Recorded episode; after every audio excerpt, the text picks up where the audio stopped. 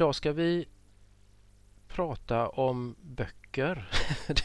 till Ja, allas förvåning. Men vi, vi ska faktiskt prata om våra egna böcker idag, hade vi tänkt. I väntan på eh, vårt nästa läsprojekt. för vi har ju faktiskt, vi kan ju säga bara lite kort då att vi har ju faktiskt valt ut en bok Mm. som vi håller på och läser om nu Just det. och som vi kommer att ägna oss åt i nästa avsnitt. Mm. Och det kommer att bli jättespännande, tror vi. Verkligen. En bok som vi läste, båda två läste för ganska länge sedan. Vilket gör att det blir ungefär samtidigt tror jag och väldigt roligt att läsa den igen Mm. nu då. Eh, ja, så så långt. Vi avslöjar väl inte mer än så. Nej, det tycker jag inte. Det kommer att bli väldigt spännande. När kom din bok? Då måste jag tänka här. Den kom ut augusti 2020. Och min kom december 2020. Ja, just det. För det var det jag funderade på. Hur blev det där? Men båda kom under 2020. Just det, så Mm. var det. Och min bok då som heter Pensionat Solvändan är ju en barnbok illustrerad av mig som kom ut på Lange förlag som har sitt säte i Danmark. Ehm, och den, ja det kan jag ju säga, den, har, den kom ut som e-bok och skulle komma då som tryckt bok i slutet av året men så kom en ny våg av pandemi coronavåg i eh, Danmark i slutet av året där vilket gjorde att de stängde ner eh, allt. Och därmed blev det stopp. Så att jag går, jag går fortfarande här och väntar på att min Pensionat Solvända ska komma i tryck. Så att den, den finns ännu inte riktigt som fysisk bok. Men den är på gång. Just det, det Mm. väntar vi på. Så det ja, är under våren här nu hoppas vi. Kan du säga jättekort vad din bok handlar om? Eh, ja, just det. Det kanske jag ska göra också. Det handlar om en kille i sådär en 7-8 års ålder som, och han är på ett pensionat då som heter Pensionat Solvändan med sin mamma och hon jobbar där på pensionatet. Och där tillbringar de då sommaren eh, på det här då bland alla gäster och så. Och eh, den, han, den här killen då, Algot som han heter, han hittar en gul klänning där i, i en garderob eh, i deras rum.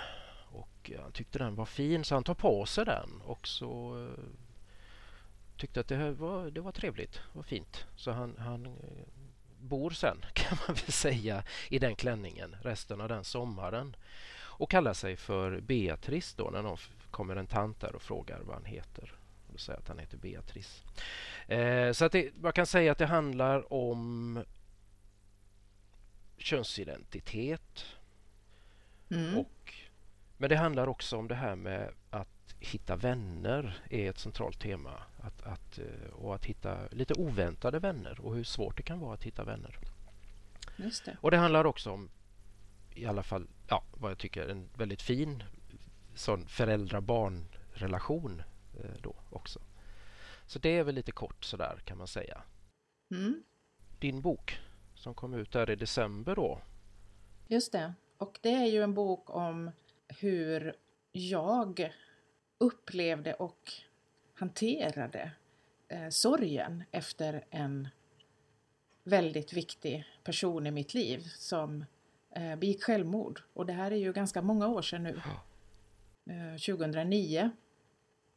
Och jag, eh, det var inte alls tänkt att jag skulle skriva en bok om det, hade jag inte en tanke på. Men jag började då att skriva inlägg på en anonym blogg därför att jag var jag, hade, jag behövde på något vis eh, formulera mig, uttrycka mig och, och, och, också bli läst tror jag. Jag behövde få tala om hur det kändes och, och tänka att kanske någon läser det här. Mm.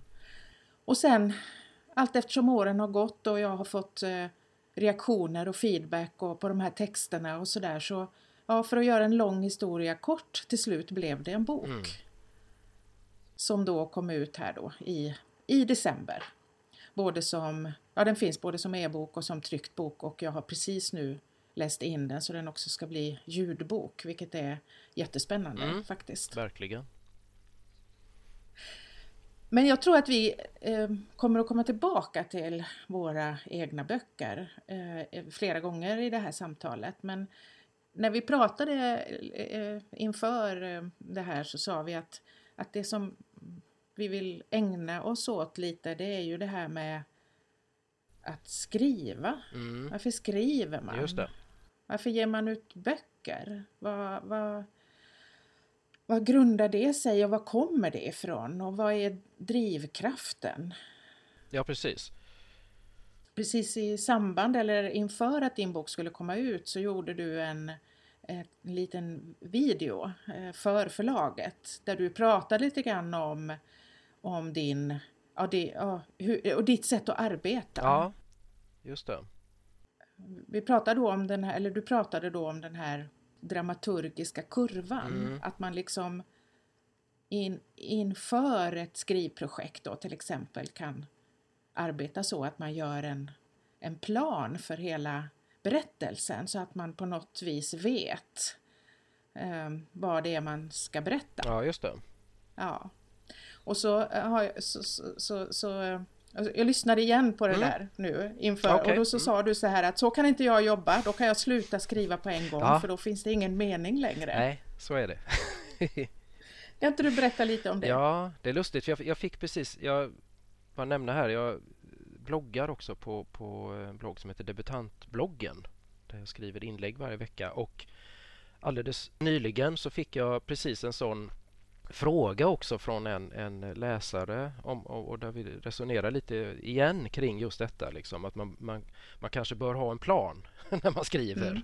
Och då fick jag ju återigen liksom, på något sätt att ja, det kan man ha, men jag gör inte så. Jag kan inte det. Och det, det handlar precis om detta att jag måste få upptäcka saker på vägen har jag märkt att det är väldigt viktigt för mig. Jag har liksom försökt med det där.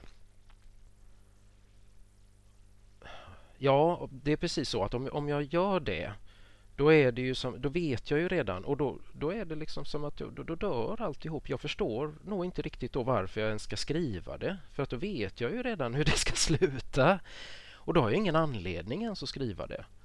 Nej. Utan jag, och jag, jag tänkte på det nu inför detta att den här boken då som jag skrev var ju den, jag skrev ju den som en, ty, en slags un, undersökning kan man nog säga. Eftersom jag, jag började ju någonstans mitt i med en teckning.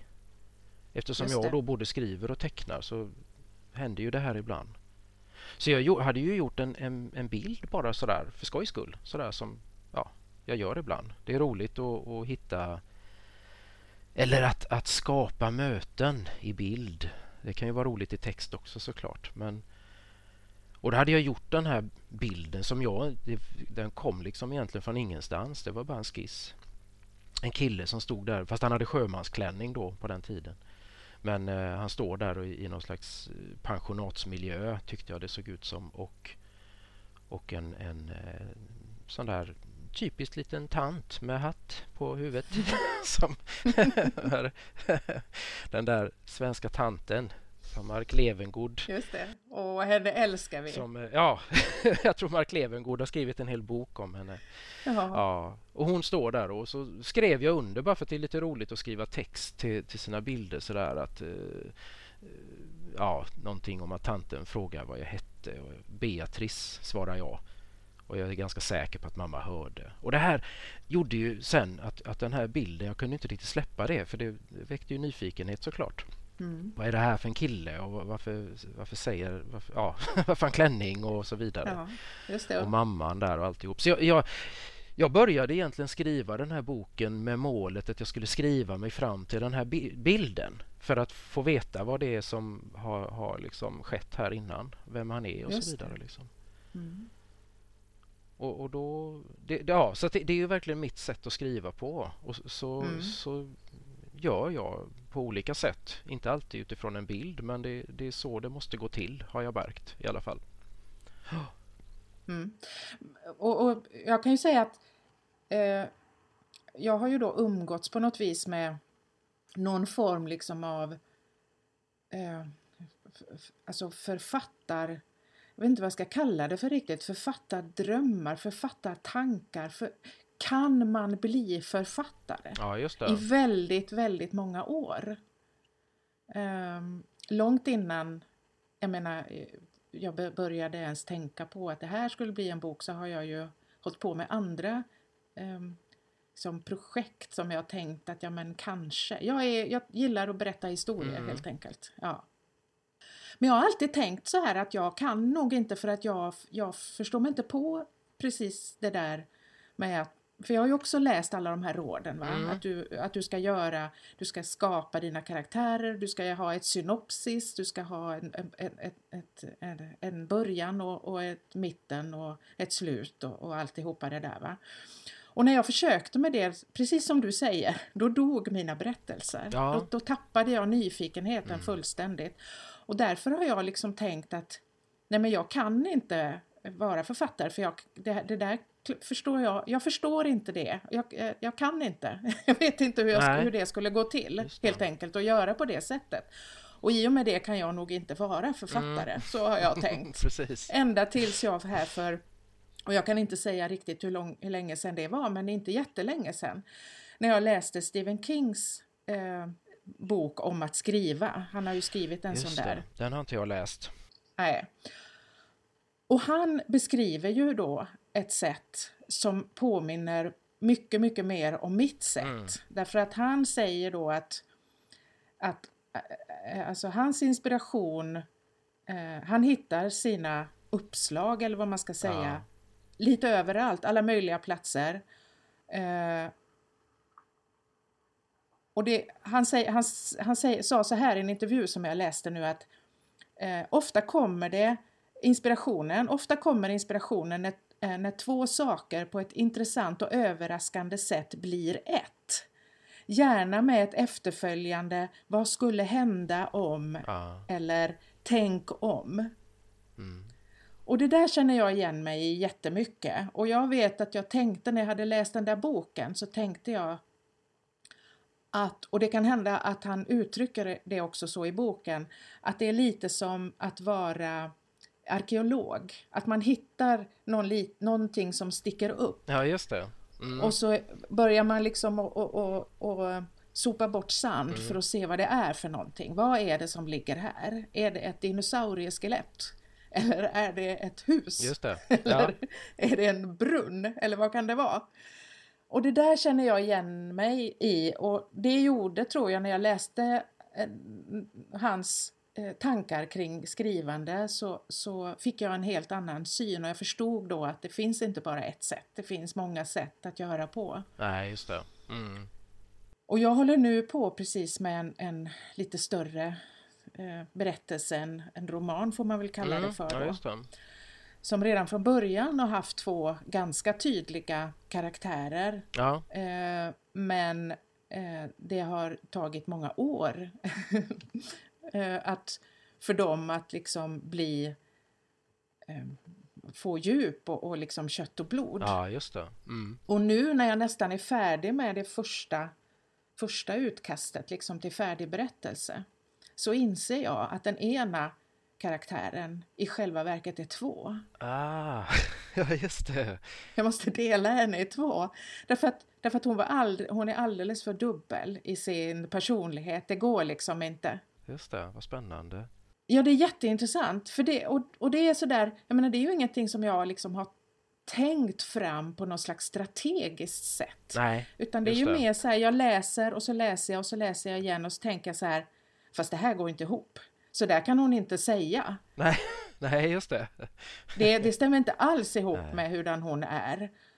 Och så inser jag då liksom att ja, men jag, har ju, jag har ju satt ihop två personer här. Det är ju två olika. Ja, vad häftigt. Men det, och det är ju så häftigt de här grejerna när man liksom att man får upptäcka det då på vägen. Det här som du vet inte det här från början när du börjar skriva liksom. Du har inte en aning om detta. Utan, utan det blir liksom en upptäckt någonstans mitt i projektet. Och det, det där, det där, och det är det, Det, det, det är precis det som jag känner också. Att det, det är det som blir spännande med skrivandet då liksom. Mm. Mm. Och det är ju det som gör att man att man vill skriva kan jag känna ja, lite. Att exakt. man blir nyfiken på någonting och vill utforska det. Ja. Inte nödvändigtvis för att ta reda på hur det är utan snarare för att för att, eh, för att det blir ju också en berättelse för mig. Det blir ju inte bara en berättelse för läsaren. Nej. Det blir ju också en berättelse för mig som liksom på något vis rullas ut ja, successivt. Exakt, va? exakt. Ja. Jag tycker det är väldigt spännande. Jag har ju läst mycket Tolkien som du vet. Ja, just det. Mm. Och det finns eh, någonstans i, i alla eh, eh, enormt många hundra miljoner böcker om och av Tolkien som finns. Mm. Så finns det en, en, berättelse, det finns någon där, han, där Tolkien, jag vet inte om det är en intervju eller om han har skrivit det själv, men där han berättar då om hur en av karaktärerna kom till. En, eh, inte, inte en utav de här, det är i Sagan om ringen då, så det är inte en i själva brödraskapet Nej. utan en av eh, de personernas, en bror då till en av, av dem i, i brödraskapet. Och den här Faramir då möter, beskriver tolken då, jag mötte honom i skogen. ja. Och så tänkte jag att, nej men inte visste jag att Boromir hade en bror, tänkte jag där jag gick. Och det där tycker jag är så ja. oerhört spännande. Jo men precis, för jag tänker att he, he, liksom, allt eftersom jag, jag hade ju faktiskt som sagt när, när jag började skriva på Solvändan så hade jag ju egentligen jag hade ju killen, jag hade mamman, jag visste inte ens vad de hette faktiskt. Och jag hade den där tanten, ingen namn på henne heller. Och det var ju typ det jag hade. Och så, jo, jag gjorde en bild till för jag hade, jag hade någon slags vision och där någonstans började ju naturligtvis någonting ta form eh, i huvudet, tror jag. För jag gjorde faktiskt en bild till sen med samma kille när ett visällskap kommer ner för en trappa på pensionatet. Just det. Eh, så där har jag ju liksom, och där har jag också skrivit något om pensionatet och att de har flyttat in eller kommit kvällen innan. Så att där hade jag då bestämt redan att okay, det är ett pensionat de befinner sig på i alla fall. Men jag visste ju inte vad killen gjorde på pensionatet. Det, det hade jag inte en aning om. Och inte mamman heller. Så att jag hade liksom det och så det här visällskapet då. Mm. Och sen precis som, precis som han då träffar Faramir där i skogen då, tolken, så har ju liksom, mm. så, alltså har ju liksom karaktärer här efterhand dykt upp på pensionatet. Som, efterhand som jag har skrivit så dyker det upp liksom personer här som eh, Algot då, eller Beatrice eh, träffar och på olika sätt då får någon slags relation till. Mm. Och det där är ju precis som du säger, det, det är väldigt spännande och jag tror eller jag tänker att det, det ja, ja, det kanske ja, precis som med allt skapande så har man ju olika ingångar och jag tänker att det, det är ju ett, ett sätt att skapa att just detta att skriva, alltså inte att skriva för sig själv men att men att, att att berättelsen också på något sätt är för mig. Att, att Ja. Eh, det är inte, alltså att skriva, det låter ju lite som att skriva av sig och allt det här. Men, men just det här att Ja men, ja men ja, jag måste själv upptäcka något. Det måste vara spännande för mig också. Jag måste upptäcka något under den här resans gång. Mm. Inte, inte bara liksom läsa den. Nej, precis. Och jag tror också att jag har brottats jättemycket med de här med, med det här med hur man uttrycker det här. Ja. För att, just för, precis som du säger, va, det kan lätt låta som att man, att man skriver liksom av sig bara. Ja, ja, precis. Och det är inte riktigt det jag menar, eller det är inte riktigt det det handlar om tycker jag, utan, utan det är snarare upptäckar glädjen som det handlar om. Precis som med allting i livet nästan kan jag tänka. Alltså att, ja.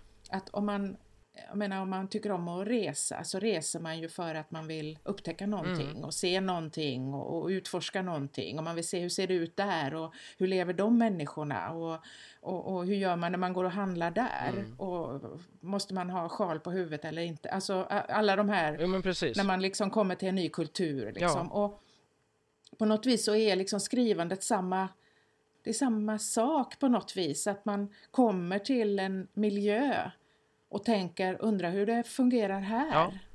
Ja, men precis så. Ja, hur är det här? Hur går det till här? Vad, vad pratar de om här? Och, och, och, och, det här är ju jättespännande och jag vet att jag har läst också, eh, det finns en författare som heter Anne Lamotte som också har skrivit, det är många författare som har skrivit böcker om att skriva ju.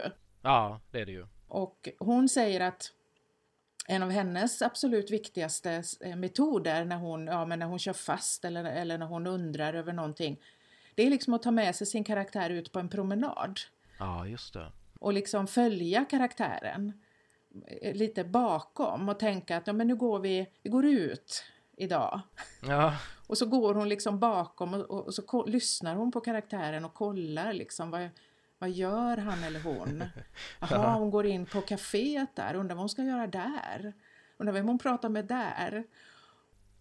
Det är jättespännande och jag, jag kan ju känna liksom, i alla fall för mig då, så det här får för mig en effekt av att jag levandegör karaktärerna mycket mer än om jag hade satt mig ner och gjort en fullständig karaktärstudie. Ja. Och, och, och det, jag tror det handlar om det, att det, det, ligger närmare verkligheten för att det är precis så här det är när man träffar människor. Ju, att liksom man lär ju känna mm. efterhand och man har sällan färdiga karaktärsstudier över någon människa man känner Nej. överhuvudtaget. Nej. Ju. För att det finns alltid så mycket som man inte känner till och sådär och människor överraskar en och är komplexa och, och sådär besvärliga. Mm. Och det tänker jag att det där, allt det där får, får, är liksom, ja jag vet inte men jag, det är det där, det, det, väcker ju precis som att resa som du säger den här alltså nyfikenheten i vem är det liksom? Vem är han? Vem är hon? Och vilka mer finns det här omkring den här karaktären? Är det mer människor här och vilka är de i så fall? Och just det här att, att, att, låta lite grann liksom vissa saker få utveckla sig då. Eh, som sagt, det, det, är återigen det är så svårt att förklara det här. Alltså att, för det, jag har tänkt mycket, är det, är det helt bortom min egen kontroll? Nej, det är det ju inte riktigt heller. För det är klart att jag har ju kontroll över det jag skriver. Absolut. Det är ju inte något sån här auto, vad det nu hette som de höll på med på liksom surrealisterna och de här. Liksom, finns ju sån här autoskrift och så va? Nej, det är det ju inte. Man skriver under hypnos eller under droginverkan utan jag har ju någon slags kontroll men ändå ändå inte på något sätt. Alltså det, det är så dubbelt det här. Va? Det är som att det finns liksom delar Ja, jag tänker att det någonstans har att göra med, med liksom vår väldigt, väldigt komplexa hjärna och hur litet vårt medvetande är och hur, hur stor del av allt som processas i hjärnan vi inte riktigt är fullt medvetna om och att, att mycket kommer därifrån. Liksom. Att det, att det, så att, och då behöver det inte vara uttänkt. Jag behöver inte sitta på förhand och tänka nu ska han träffa den och den och så ska det bli så. Nej. Utan då är det mer spännande att bara låta honom få träffa och så får vi se sen vad som händer. Liksom, va? Exakt. Och då blir det lite mer som i verkliga livet. Att, ja. För då måste, det, det, på något sätt, jag kan känna att det, är, det tvingar på något sätt karaktärerna att bli levande. Just det, precis. Eh, om man säger så. För de måste ju agera. Och de måste också agera på ett sätt som jag finner trovärdigt då. Ja, precis. De kan ju inte agera hur som helst liksom. Eh, man kan ju tänka sig att, att det är lite som att man tar den här eh, karaktären som man inte riktigt känner ännu, den här människan. Mm. Och så försätter man honom eller henne i en situation. Ja. Och så säger man inom sig, sig säger man så här, hmm, vad ska du göra nu då? Exakt, vad händer nu? Vad... Mm. det är faktiskt roligt. Och då, då blir det ju det här, jag, jag vet att jag, en sak som jag eh, och det kanske är man ska säga, vårdan eller, eller risken man tar med att jobba på det här viset. Det är ju det att man när, man när man känner att nu är jag färdig med det här liksom och då inser man att ja, i alla fall jag, jag, om vi tar Solvändan då som exempel så inser jag liksom att det är ingen riktigt här som... Eller, några reagerar ju liksom på att han har klänning och att han heter Beatrice. Han får ju reaktioner på det. Men kanske inte i den utsträckning som man hade gjort om jag hade skrivit en bok från början där jag tänkte nu ska jag skriva en bok om en kille som tycker om att ha klänning på sig. Du menar att du hade du på något vis hade eh, påverkats av att du hade en, en plan? Ja, jag tror det. Jag är ganska säker på det. Och, och jag, för jag tänker också på böcker som liksom där, där det här ämnet finns och de är i alla fall, jag, kan, jag har inte läst alla de böckerna, men jag, jag, får en upplevelse i alla fall av att det bygger mycket mer på det här med att det liksom problematiseras. Och, och, att man, liksom, man, man, man har redan från början tänkt att här ska det in liksom starka reaktioner eller det ska bli problem och det måste lösas. Och, så ska det, och, gärna, och då blir det återigen det att det följer den här dramaturgin också. Mm. Uh, sådär. Och då tänker jag att det... Jag vet inte, men jag, jag är rädd för att, att, historien kan bli lite platt då. Om man säger mm. så. Jag, jag, jag, tänker ibland att... Jag tänker även på, på författare om, om man nu tänker det här med att göra upp en plan och att, att jag, liksom följa, försöka ha den här dramaturgiska kurvan då. Det, för den som inte vet det så handlar det ju om att, att, att man tänker sig ungefär som en sån där loop på en, eh, på en eh, bergbana. att, att eh, om man nu inte har läst de här böckerna så, så är det ungefär så den beskrivs. Liksom. Jag tror till och med jag sett någon sån illustration i någon sån här bok. då att du ska börja historien ganska lugnt och så ska det stegras och så ska du nå någon slags klimax där uppe. Och sen så kan det liksom då börja lugna ner sig igen och, och, konflikten ska ha fått sin lösning där någonstans på vägen. Och där under den här resans gång i den här loopen så kan du göra små loopar också om du vill då liksom sådär under tiden, små konflikter och så. Ja, det, det är ju så här, kort, den dramaturgiska kurvan för den som inte vet. Mm, ja. Och jag är lite rädd liksom sådär när jag skriver att det här ska... Eh, jag, jag, vet inte riktigt. Jag, jag tänker att det, den, den, kan säkert vara bra att ha i huvudet men jag vet ju många författare som inte alls följer den. Liksom. Och jag kan uppleva de böckerna, de romanerna ibland som kanske lite mer levande på något sätt eftersom våra liv inte på något sätt följer någon dramaturgisk kurva eh, direkt. Nej. Ibland gör de det, men oftast inte. För livet är, ser oftast helt annorlunda ut. Liksom. Mm. Och, och, så, och just det, det kan jag, jag fick faktiskt när jag hade skick, börjat skicka det här manuset så fick jag faktiskt just precis den reaktionen från ett förlag. Att förläggaren där sa, skrev då att hon saknade eh, liksom själva dramat i historien. Mm. Så, och det var ju precis det. För jag inser ju det att den här boken följer faktiskt inte alls den här kurvan eh, på det viset. Här är liksom dramat något annat. Det, det, det här, här sker liksom någonting annat. Och, och då fick jag ju fundera, är det här bra eller dåligt? Ska jag skriva om den här kanske? Behöver jag få in den här kurvan på något sätt? Ska det ha en huvudkonflikt här i mitten? Mm. Men jag insåg när jag läste att nej, det, det var inte den historien riktigt. liksom. Jag var rädd att liksom döda den då. Mm.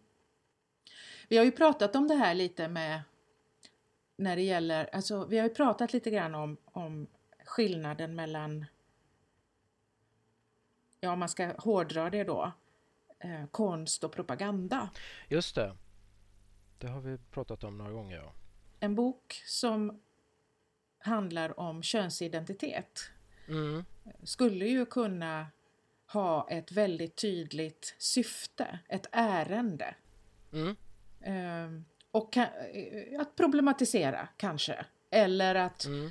Eller Precis. att framställa saken på det ena eller det andra sättet beroende på eh, jag menar hur, ja, men hur du då skulle eventuellt tänka mm. i det, på, eh, på, när det gäller det här området. Då.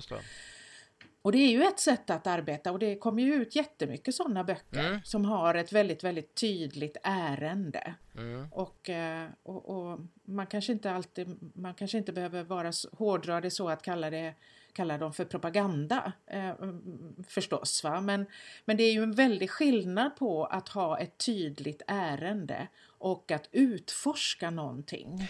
Exakt. Och jag tänker att det är ju det du, snarare som du gör, utforskar. Mm. Det är ett utforskande.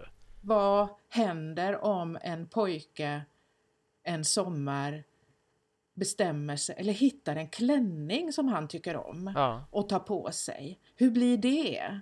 Ja, hur blir, ja precis. och så, och så bland massa människor här liksom. Ja. Och jag kommer också att tänka på det, det när, du, när du säger att, att det var och jag har ju också läst din bok förstås och, och reaktionerna som, som Algot får är ju väldigt eh, eh, vänliga och tillmötesgående och, och eh, alla behandlar ju honom väldigt, eh, eh, vad ska man säga, milt. Väldigt. Och varmt. Precis, ja. Och, och försiktigt. Exakt. Och klokt. Alla vuxna är också väldigt kloka. Och när jag läste det och jag läste om det nu inför det här samtalet så, så um, kom jag att tänka på att, att, i min roman som jag håller på med nu så, så är det en, en, av de här två huvudpersonerna då är en ganska ung kvinna som lever ett väldigt problematiskt liv. Okay. Och vid ett, eh, vid, eh, i, en, i ett läge där så får hon kontakt med en terapeut genom sjukvården, en väldigt erfaren terapeut. Ja. Som hon då får gå till regelbundet. Och jag eh, beskriver deras eh, kontakt ganska ingående. Ja. Och, och, och hur den här terapeuten arbetar då, eller vad man ska säga, och möter den här kvinnan. Och även eh, personalen då där hon är inskriven, hur också de möter henne. Ja. Och jag insåg när jag hade jobbat med det här ett tag och när jag läste vad jag hade skrivit att det här är inte en beskrivning hur jag tror att det går till. Det här är en beskrivning hur jag skulle önska att det gick till. Ja, just det. Mm. Exakt. Och det är inget fel med det tycker inte jag. Nej, nej, precis. För det, det, är precis den insikten jag har fått kring Pensionat Solvännen också. Att det är precis så här jag önskar att det var. Att det kanske inte skulle behöva vara mer komplicerat än så här. Nej. Att när, när, när ett barn vill, eller en kille då, vill ta på sig en klänning. att det, det skulle kunna vara så här också. Eh, jag gick och funderade här i morse. Vad, vad var det egentligen eh, för bok som fick mig att bli en läsare? Ja, just det. Alltså, när förstod jag att litteratur är någonting som man kan ha nytta av, eller vad man ska säga. Vi har ju pratat tidigare i något tidigare avsnitt här om att jag jag var ju en läs... Jag läste ju... Alltså jag läste ju jämt ja. och jag läste fruktansvärt mycket böcker. Ja, det gjorde du.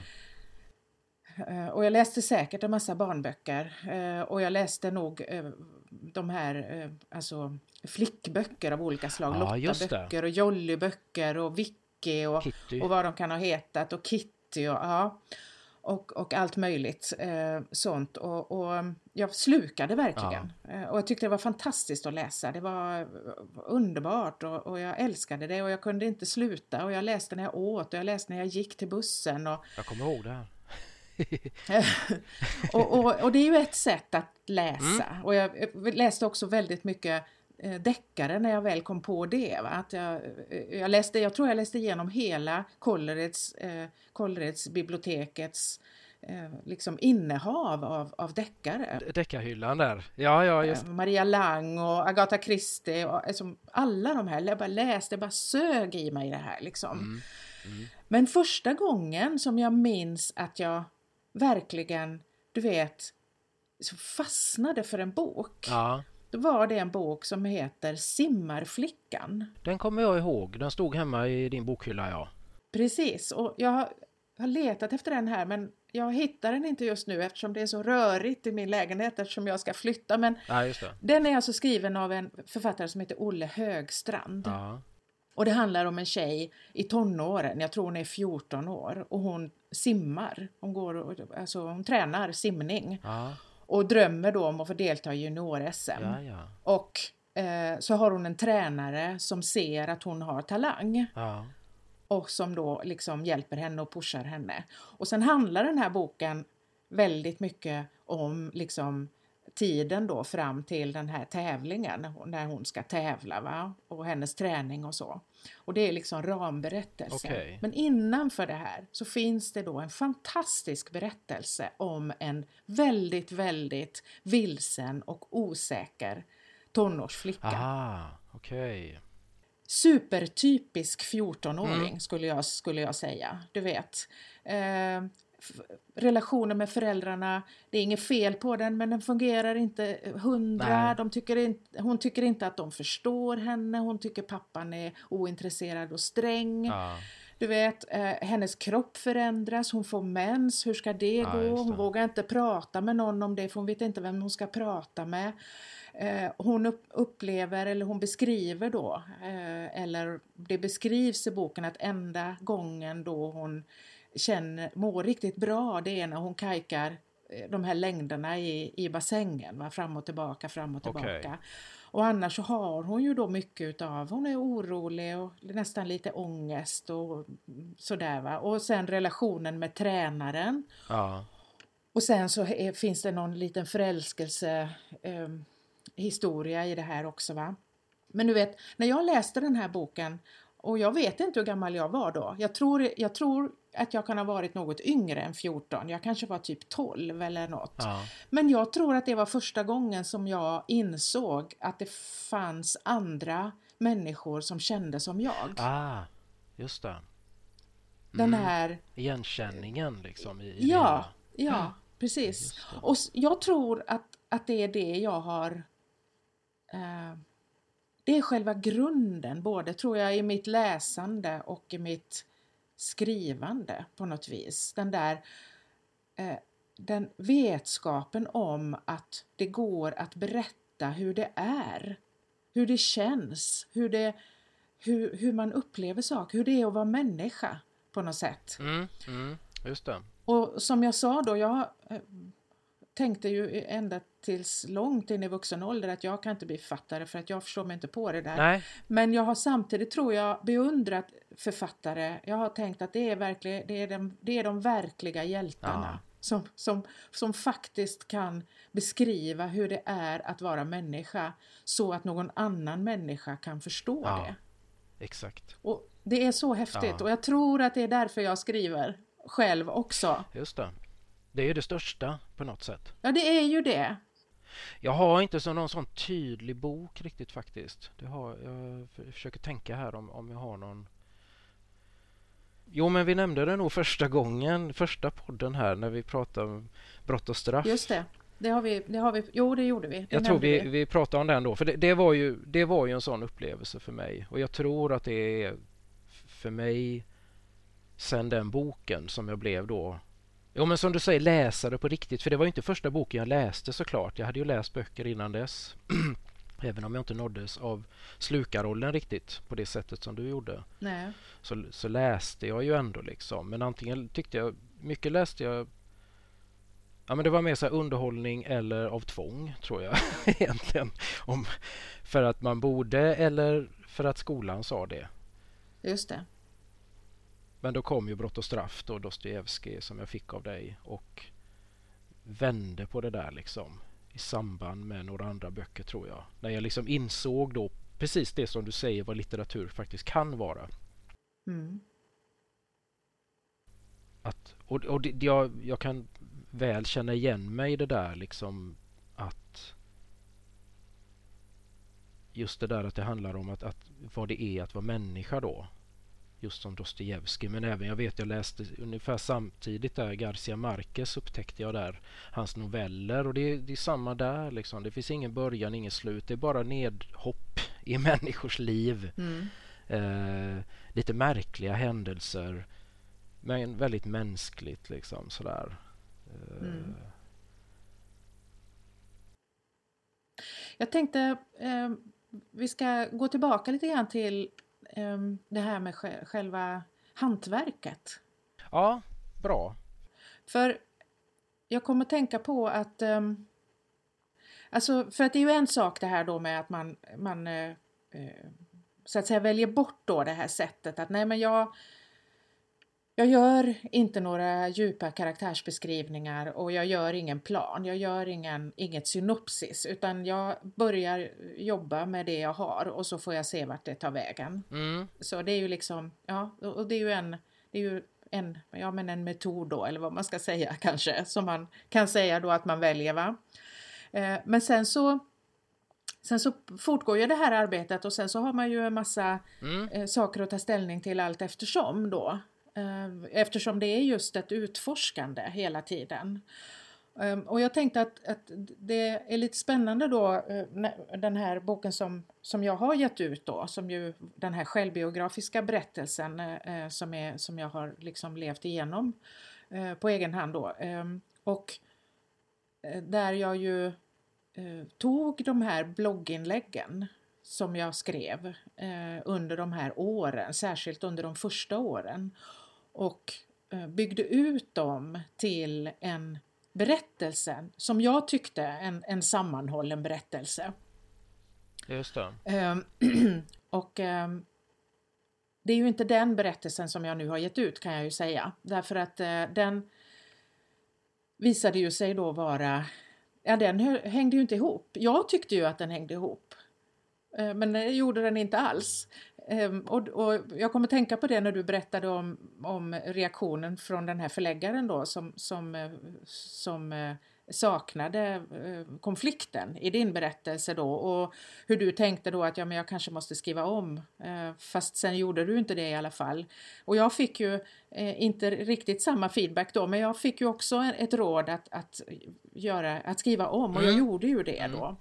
Och ehm, här- för några veckor sedan så var jag och spelade in en eh, liten video för Stadsbiblioteket här i Västerås. Då. De har en liten serie som heter Biblioteket Live där de bjuder in lokala författare då som får eh, ja, berätta om sina böcker och presentera sig och sådär. Och då bad jag om att få frågor till den eh, så att jag hade någonting att utgå ifrån när jag skulle göra den där inspelningen på 10 minuter. Och då var det en ut, utav mina läsare då som frågade eh, hur, hur kom du ihåg allting? Vad, vad, eh, skrev du dagbok? Du är så detaljrikt liksom. Ja. Och då eh, tänkte jag på, ja hur gick det där till egentligen? Jo men då var det ju så här att när jag hade den här första berättelsen så eh, skickade jag den eh, till en lektör. Anlitade en lektör som fick hjälpa mig att gå igenom den och komma med råd då på eh, hur jag skulle kunna förbättra och sådär. Och, eh, och och hon, hade ju, hon hade ju massa synpunkter som lektörer har och ska ha. Ja. Men hon hade, hennes viktigaste synpunkt var att hela berättelsen, hon kallade den för nebulös. Okej. Och eh, det betyder ehm, ungefär oklar, dimmig. Aha. Okej. Och eh, hon sa då att, att den, det, det, det går inte att hänga, det, som läsare så går det inte riktigt att hänga med. Det finns för mycket luckor och för mycket hopp. Okej. Och det där kunde inte jag se riktigt eftersom jag hade ju upplevt hela historien. Så jag visste ju precis vad som, Ja. Vad som hände. vad som hände. Ja, så jag fick ju Ja. göra ett jättearbete och bygga en tidslinje utifrån det manus som jag hade. Ja, ja. Vad, är, vad händer det nu i boken då? Eh, Och så gjorde jag liksom en tidslinje och då kunde jag ju se det som hon hade sett när hon läste. Ja. Att det fanns luckor. Som jag då eh, förstod att det här, jag måste fylla igen de här hålen därför att annars blir inte berättelsen begriplig. Ja, tänkte jag, hur ska jag göra det då? Och då gick jag tillbaka till jag har visserligen en del anteckningsböcker, jag ska inte påstå att jag skriver dagbok precis, men jag har ju en massa med anteckningsböcker där jag skriver grejer då och då sådär. Ja, just det. Mm. Så jag fick gå tillbaka till dem under de här åren, men också till mejlkonversationer, sms-konversationer, gamla papperskalendrar, eh, du vet digitala kalendrar. Vad gjorde jag? Vart reste jag? Vart åkte jag? Eh, vem träffade jag? Och så vidare. Det var ju ett jättearbete. Ja, det. Och det, det, det, det, det, fasci- det som var fascinerande var att när jag började att lyfta upp de här grejerna så kom, jag ju, så kom det ju fram minnen. Plötsligt kom jag ju ihåg saker som jag hade glömt. Ja, jag tänkte just på det, att det måste ju varit så. Att det, att det öppnade Ja. upp Eh, sådär som det är med minnet ibland. Det var jättefascinerande. Ja, ja. Vad häftigt. Och det är också en lärdom som jag tar med mig när jag jobbar med den romanen som jag jobbar med nu. Det är ju inte alls på samma sätt för att det är ju inga, den är ju inte självbiografisk. Nej, Men där försöker jag också hela tiden att identifiera de här luckorna mm.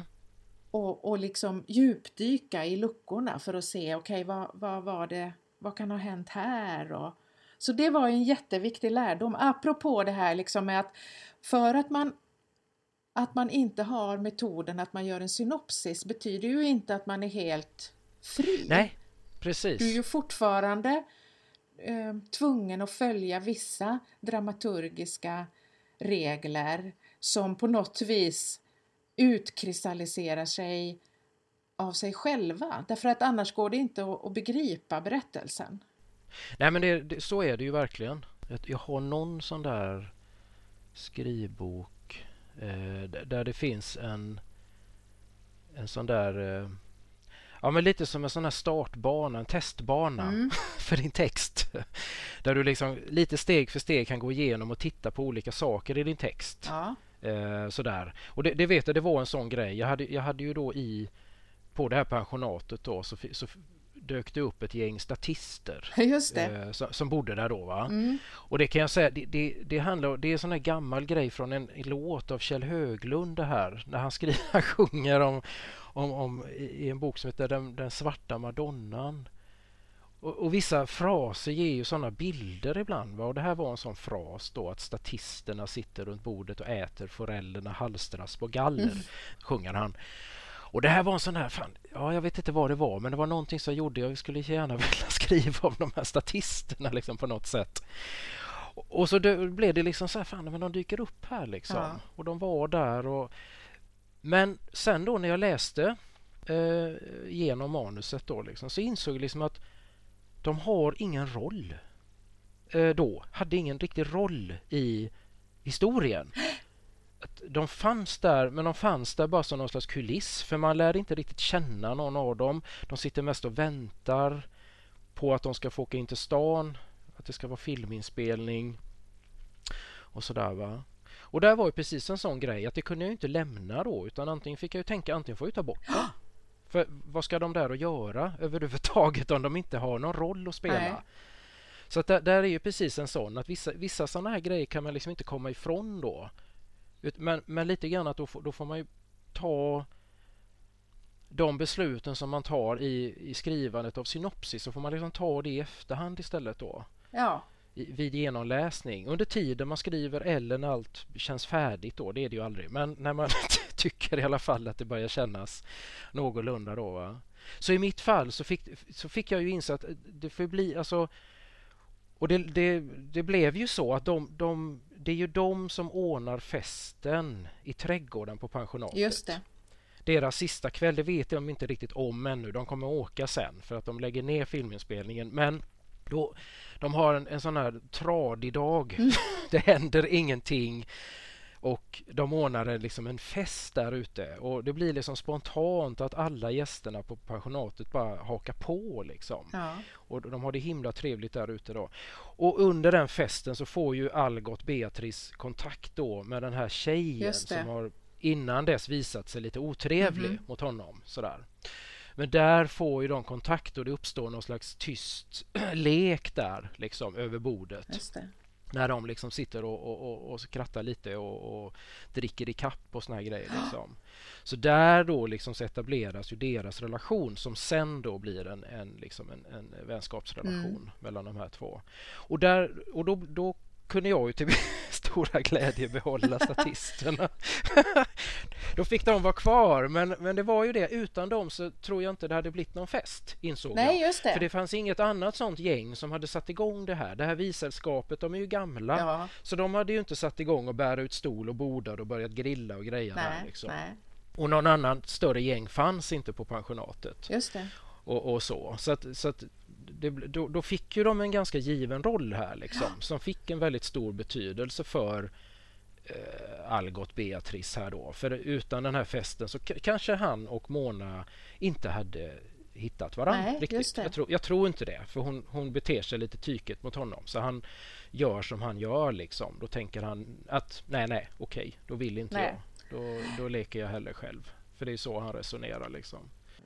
Den där festen är ju så det är ju en sån klassisk sommarfest. Så att den, det är nästan svårt att föreställa sig Verkligen. nu då boken, berättelsen utan den festen. När, när den nu finns där. Ja, med grill och läsk och, och, och sång och musik. Ja, och, och, det är liksom jag, för, det är väl där det har varit väldigt varmt också. Nu kommer jag inte ens ihåg min egen bok. Men det är liksom det här, den här lite lättnaden också som man kan känna sådär efter en varm sommardag. Det börjar svalna lite grann. Åh, ja. vi kan liksom faktiskt börja leva igen. Vad skönt. För det där är ju annars, skulle ju kunna vara en sån där klassisk eh, kill your darlings eh, situation. Där man är ja. tvungen att ta bort sånt där som man har väldigt svårt för att ta bort därför att man tycker så mycket om det men det har verkligen ingen roll. Nej, det, det, har, det finns ingen, upp, de fyller ingen funktion här liksom. Så det, det var verkligen en sån. Jag tänkte det kan, jag, jag kanske får göra det helt enkelt. Jag får spara dem till ett annat tillfälle eller någonting. Jag vet inte, men det kan hända att jag måste ta bort dem. Men det, men, men det, det gjorde lite ont. Och det är ju också det här liksom att man behöver man inser det ju mer och mer när man skriver liksom att man behöver också de här eh, som blir så tydligt i den här boken tycker jag. Vi har liksom Algot, och, och, och Algot Beatrice, Mona, hans mamma, några stycken i vissällskapet och sådär va. Men sen behöver man alla de andra som någon slags kuliss mm. liksom va. Massa karaktärer som bara liksom Ja men de ska, de ska ju finnas mm. där för att liksom, det ska ju vara mänskligt liv liksom. Men man kan heller inte liksom lära känna alla för det skulle bli omöjligt att läsa. Nej, precis. Så att, men, men, som sagt, de behövde en funktion till mer än att bara vara kuliss helt enkelt. Det var, det var väldigt tydligt. Och där, där tycker jag där fick jag jättebra hjälp. Liksom. Det var fler grejer som jag lyckades liksom, prick, liksom som jag hade missat lite grann då mm. i, i den här boken. Lite grann också kring dramaturgin. Att jag, jag, jag vet att jag kastade om lite grann bland kapitlerna. Mm. Eh, sådär det är lite grann det här med att skapa spänning. Vad, vad ska följa på, på det andra och, och, allt det här. Va? Och det är väl precis som när du jobbar med dina. Man kan se det först egentligen när, när man börjar bli färdig. Det är först då som man kan sätta sig och börja titta på det här. Mm. Och ofta så behöver man utomstående läsare för att ja. eh, och gärna proffs Alltså proffsläsare ja. och inte bara sådana som, som tycker om en eller så, du vet. Nej, utan det gäller ju att välja de läsarna. För att det, man blir blind för sin egen och man, man tycker att det är begripligt och så är det inte det. Va? Det var ju jätte, jätteviktig lärdom för mig det där och jag fick ju också jag menar, jag fick ju bygga om hela, hela historien egentligen. Alltså, jo, jag tänkte ja, det. Äh, flytta runt liksom. Skriva om en del och, och skriva till, men, men framförallt liksom flytta, flytta runt. Mm. Va? Så att det jo, för jag tänkte på det nu när jag har ju läst den här. Nu läste jag lite igen här och du, du har ju hoppat lite grann just för, och det handlar ju om det. Jag förstår mm. det, för det är att skapa det här. Mm. Först pang in och sen tillbaka mm. i tiden och så ja, att man liksom och det är ju det här för att ja, men det, det, skapar det skapar spänningar, det skapar ett intresse liksom, som för mig som läsare. Då, liksom, va? Och det måste finnas vändpunkter och det måste finnas liksom, för, du, för som läsare måste du också för, stå ut. Särskilt i en, en sån bok som min då som är ganska tung och svår. Den är ju tung, så där, gäller, där är det ju väldigt viktigt att hitta balans tänker jag för dig. Precis, därför att annars så kommer folk att lägga ner boken och tänka jag orkar ja. inte. Det är, det är för mycket liksom. För det blir för mycket, ja precis. Men den balansen hittade du ju, tycker jag i alla mm. fall. Även om jag tycker att den är tung att läsa så tycker jag ändå att det, det, inte, det blir inte liksom för tungt som du säger. Det blir inte så tungt som, så att, som du säger så att man ger upp.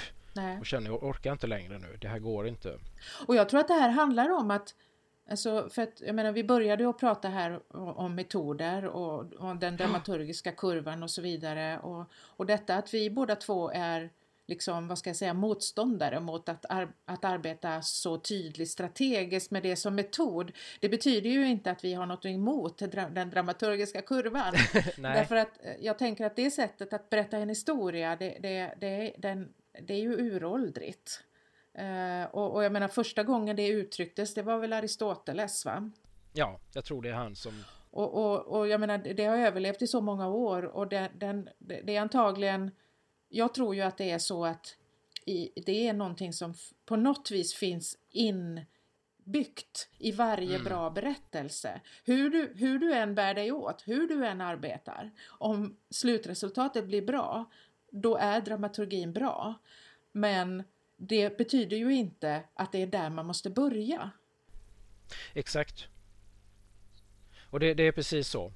Utan man kan använda sig av den när i, i, arbetet med texten snarare liksom. I efterarbetet, vilket det ju alltid är liksom eh, när man, när man skriver.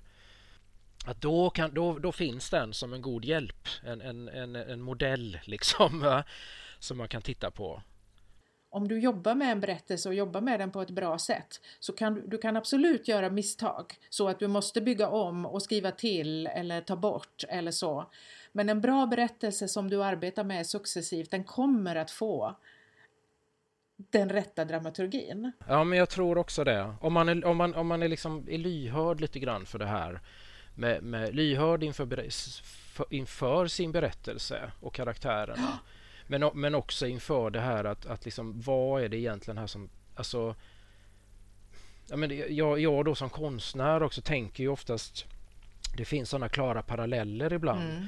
Att liksom när man målar så kan man inte alltid använda sig av de färgerna som finns om vi nu tänker sig att vi målar av verkligheten Nej. utan ibland måste man lägga till färger eller förstärka färger. För det handlar så mycket om det här med att skapa kontraster i, i, i, en, i en bild. Att du, du måste liksom, och då, då, kanske du får hitta på en färg för att du liksom får den här kontrasten som du vill åt för att skapa en spänning i bilden. Eh, för, att, för annars blir bilden väldigt platt många gånger om man inte gör det här då. Och det kan man också göra med, med komposition och sådär då. Och det är ju precis samma med en text tänker jag. Att det är även där, att den, den här färdiga texten, sen börjar man liksom komponera och, och, och, och att, att hitta och skapa spänningar liksom. Mm. Med liksom det är slutet på det kapitlet och så kommer liksom den början där och då gäller det ibland att ibland ska det följa bara mm.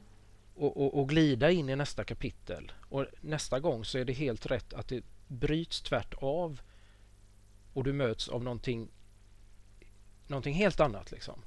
Mm. Det mest fascinerande exemplet på eh, den här dramaturgiska kurvan det, det är, kom, för min del kommer från eh, du vet, eh, ja, vi, jag och min kollega Fredrik Ydag, vi har ju arbetat i många år med en, en dokumentärfilm om Ted Gärdestad. Det var ett arbete som ju ligger nere just nu på grund av pandemin. Men mm.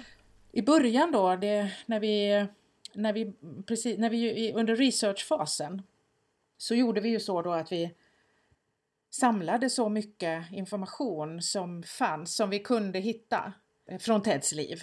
Och så byggde vi en timeline. Och så satte vi in alla, allting vi visste, precis allting, varenda liten detalj i stort sett, va? vad som hände i hans liv. Och när vi var färdiga så insåg vi att, att här, har vi ett, här har vi en perfekt illustration till den dramaturgiska kurvan. ja, vad intressant. Ja, det är ju väldigt intressant.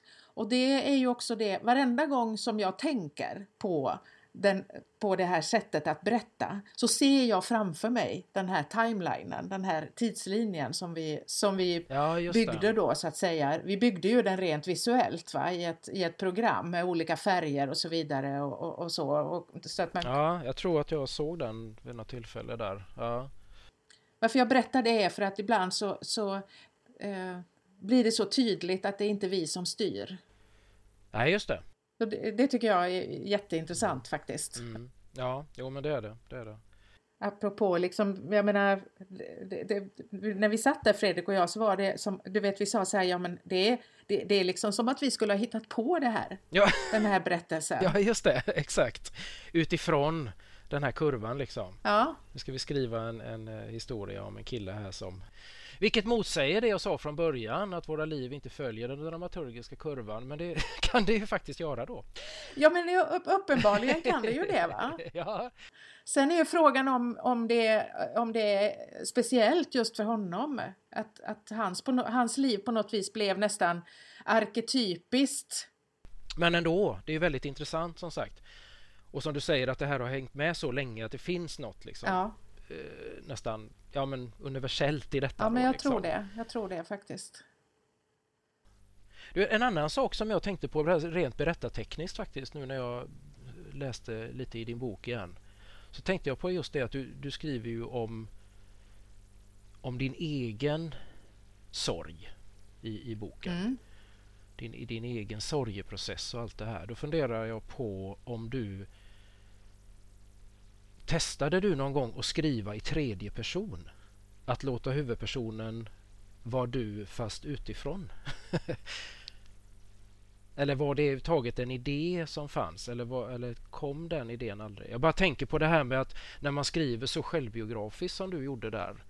Att liksom hur, hur man liksom hittar någon slags distans Ja. i sitt skrivande då. Mm. Va? Jo, Och det kommer jag tänka på att ett sätt, jag vet nämligen jag har lekt med det en gång själv att skriva om mig själv fast i tredje person. mm. Att det är liksom en form sådär att skriva självbiografiskt.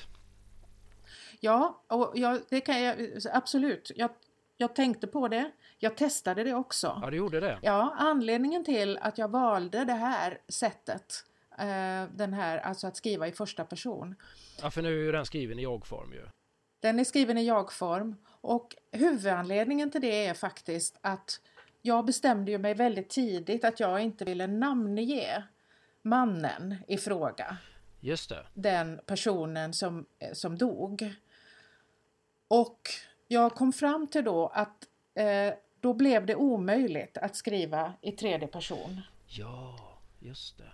Eh, För att jag, jag kom fram till att det eh, enda sättet för mig att berätta den här historien det var att berätta om ett jag och ett du. Och ett du, precis. Just det. Och det hade du det hade du tappat ja. Ja, det hade inte gått. Och då... Och det hade blivit han av, av alla han. Eller hon, hon. Alltså det är, ju det, det är det som blir problemet där i tredje person. person. Jag, jag namnger ju nästan ingen i den här boken. Nej, Ehm, den enda karaktären som har ett namn är min terapeut. Ehm, I den här boken. just det. Just det. Det stämmer det. Och ehm, det är ju ett medvetet val från min sida. Och det handlar ju om att det här är, det är ju riktiga människor och det är på, det är på riktigt. Och jag kan inte be om lov eh, att få skriva den här boken eh, för, av den personen då, eh, bokens du är död. Jag kan inte, jag kan inte fråga om lov. Precis. Och jag kan inte be honom läsa och säga vad tycker du? Nej, just det. Är det här okej? Nej, Och därför så blev det här sättet, det, det, jag bedömde att det var det absolut bästa sättet. Eh, för att det gjorde, det, det blev så tydligt då att det här är, det är ett jag och det är jag och det är ett du och det är en relation mellan denna, detta jag och detta du. Eh, Så det är eh, egentligen, det var faktiskt det som avgjorde. ja just det. Jag Mm. tror det hade gått att skriva berättelsen i tredje person också. eh, Och det hade... Och jag, jag lekte naturligtvis med tanken och jag lekte med tanken att göra den helt skönlitterär. Om du förstår vad jag menar. Ja. Just det. Ja, ja, Ehm, absolut. Och, och att liksom berätta historien men göra den mer, mer allmängiltig och så vidare. Men, men eh, jag valde bort eh, successivt alla de här olika idéerna och till slut så kom jag fram till att det här är det, är det ärligaste sättet att berätta. Ehm, Mm. och, och det som det, det som också går att ge Ja, så att berättelsen får sin rätta balans. Ja, jag tycker ju det. För det gör att du hela tiden kan... Jag tänkte på, på... Det är ett kapitel där, femman tror jag. Ett universum utan slut. Att jag vet inte nu. Jag, det, nu är det ett tag sedan jag läste den. Jag har skummat lite i den nu igen. Men, men jag, det känns som att där är, där är liksom kanske första kapitlet där du resonerar lite utanför det som har hänt. Och det är som du säger, där, där det är klart att det, det, även det formen gör ju att du, du har ju hela tiden i genomgående i boken har du ju möjlighet att göra det. Att gå in i egna tankar och resonera lite grann bort liksom. Att gå, även om allt kretsar kring sorgen och hans död så, så har du ju den här möjligheten att liksom nästan, jag tänkte på det nu, jag tänkte inte på det då, men lite nästan essäaktigt att liksom gå in, eh, associera, eh, ta något citat från någon du läser där och ja, det, det, så att jag, jag, nej, jag, jag, är glad att du valde den formen du valde. Den blir väldigt ärlig, den blir väldigt, den kommer väldigt nära just därför. Nej men jag är också nöjd eh, och jag tror att det här är det bästa. Det, det, jag tror att det här var det, det bästa valet. Eh, rent eh, strategiskt då, som vi var inne på i början, så ju, har det ju varit väldigt tydligt för mig att just det valet, att skriva det på det här viset i jag-form självbiografiskt, har ju också gjort att jag har haft oerhört svårt att hitta ett förlag. Ja, just det. Men jag, jag står för det. Jag har ju någon slags idé om att, att böcker alla böcker eh, fyller inte sin funktion. Det kommer ut en massa böcker förstås som inte har någon jätte något jättefantastiskt syfte. Men vissa böcker har det och det kan man aldrig veta riktigt i, i, i förväg. Och, och, känner man så starkt att det är meningen att man måste skriva den här boken trots allt det arbete och, och, och, och alltså tankemöda och, och kamp som det innebär så måste man ändå göra det och hoppas att den ska hitta sin, sina läsare liksom på något vis. Nej, och det här är intressant för det här har vi pratat om eh, just kring våra böcker. Att, att, att det, vi insåg ju liksom snart att vi båda hade ungefär samma inställning där. För jag tänkte precis detsamma. Nej, det här är, det är inte Alfons Åberg-bok jag har skrivit. Liksom. Det kommer inte bli liksom, den kommer inte tryckas i, i miljonupplagor liksom, eh, på något sätt.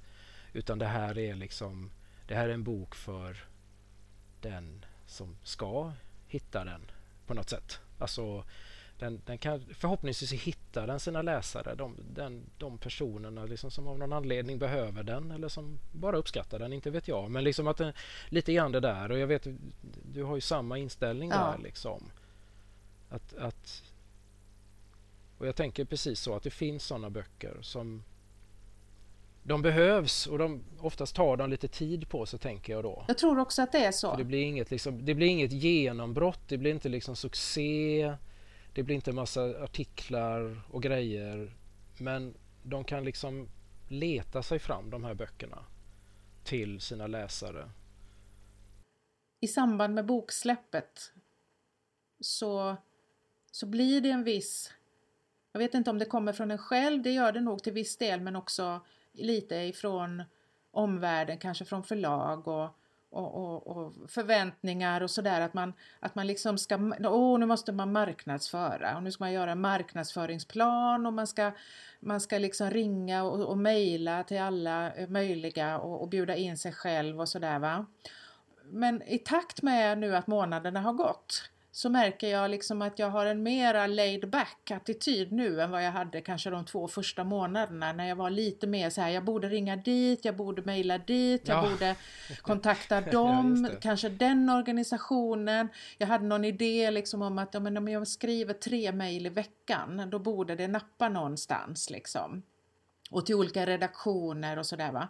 Och sen hade, märkte jag samtidigt att det fanns ett motstånd inuti mig och jag funderade så på vad handlar det här om? Varför känns det här så, så, så avigt liksom? Mm, mm. Uh, och då har jag kommit fram till att uh, det är som att det finns um, någon, uh, någon slags, uh, något slags rytm i det här som jag inte riktigt kan påverka men som jag kan rätta mig lite grann efter. Så tillvida liksom att nej men om, jag, om jag om jag skriver då till exempel som jag gjorde då ner till biblioteket. Nu i coronatider så far man ju inte runt och träffar folk så mycket va? utan jag skickade ett mail till biblioteket och skrev Hej, eh, har ni, kommer ni att köpa in min bok? Frågade jag bara va. Mm.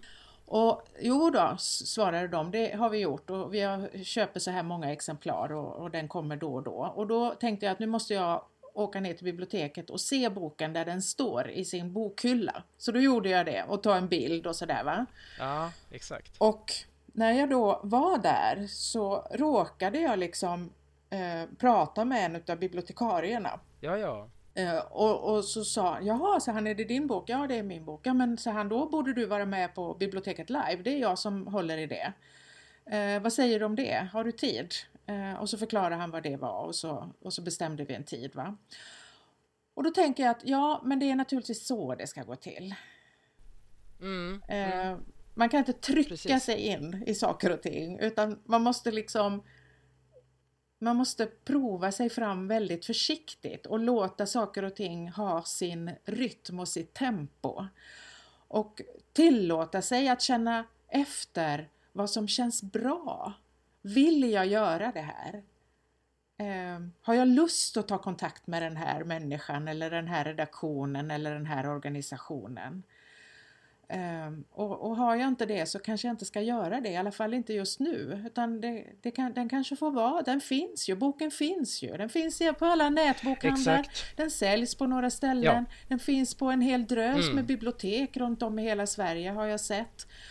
Ja, det kan mm. få vara bra så just nu. Ja, precis.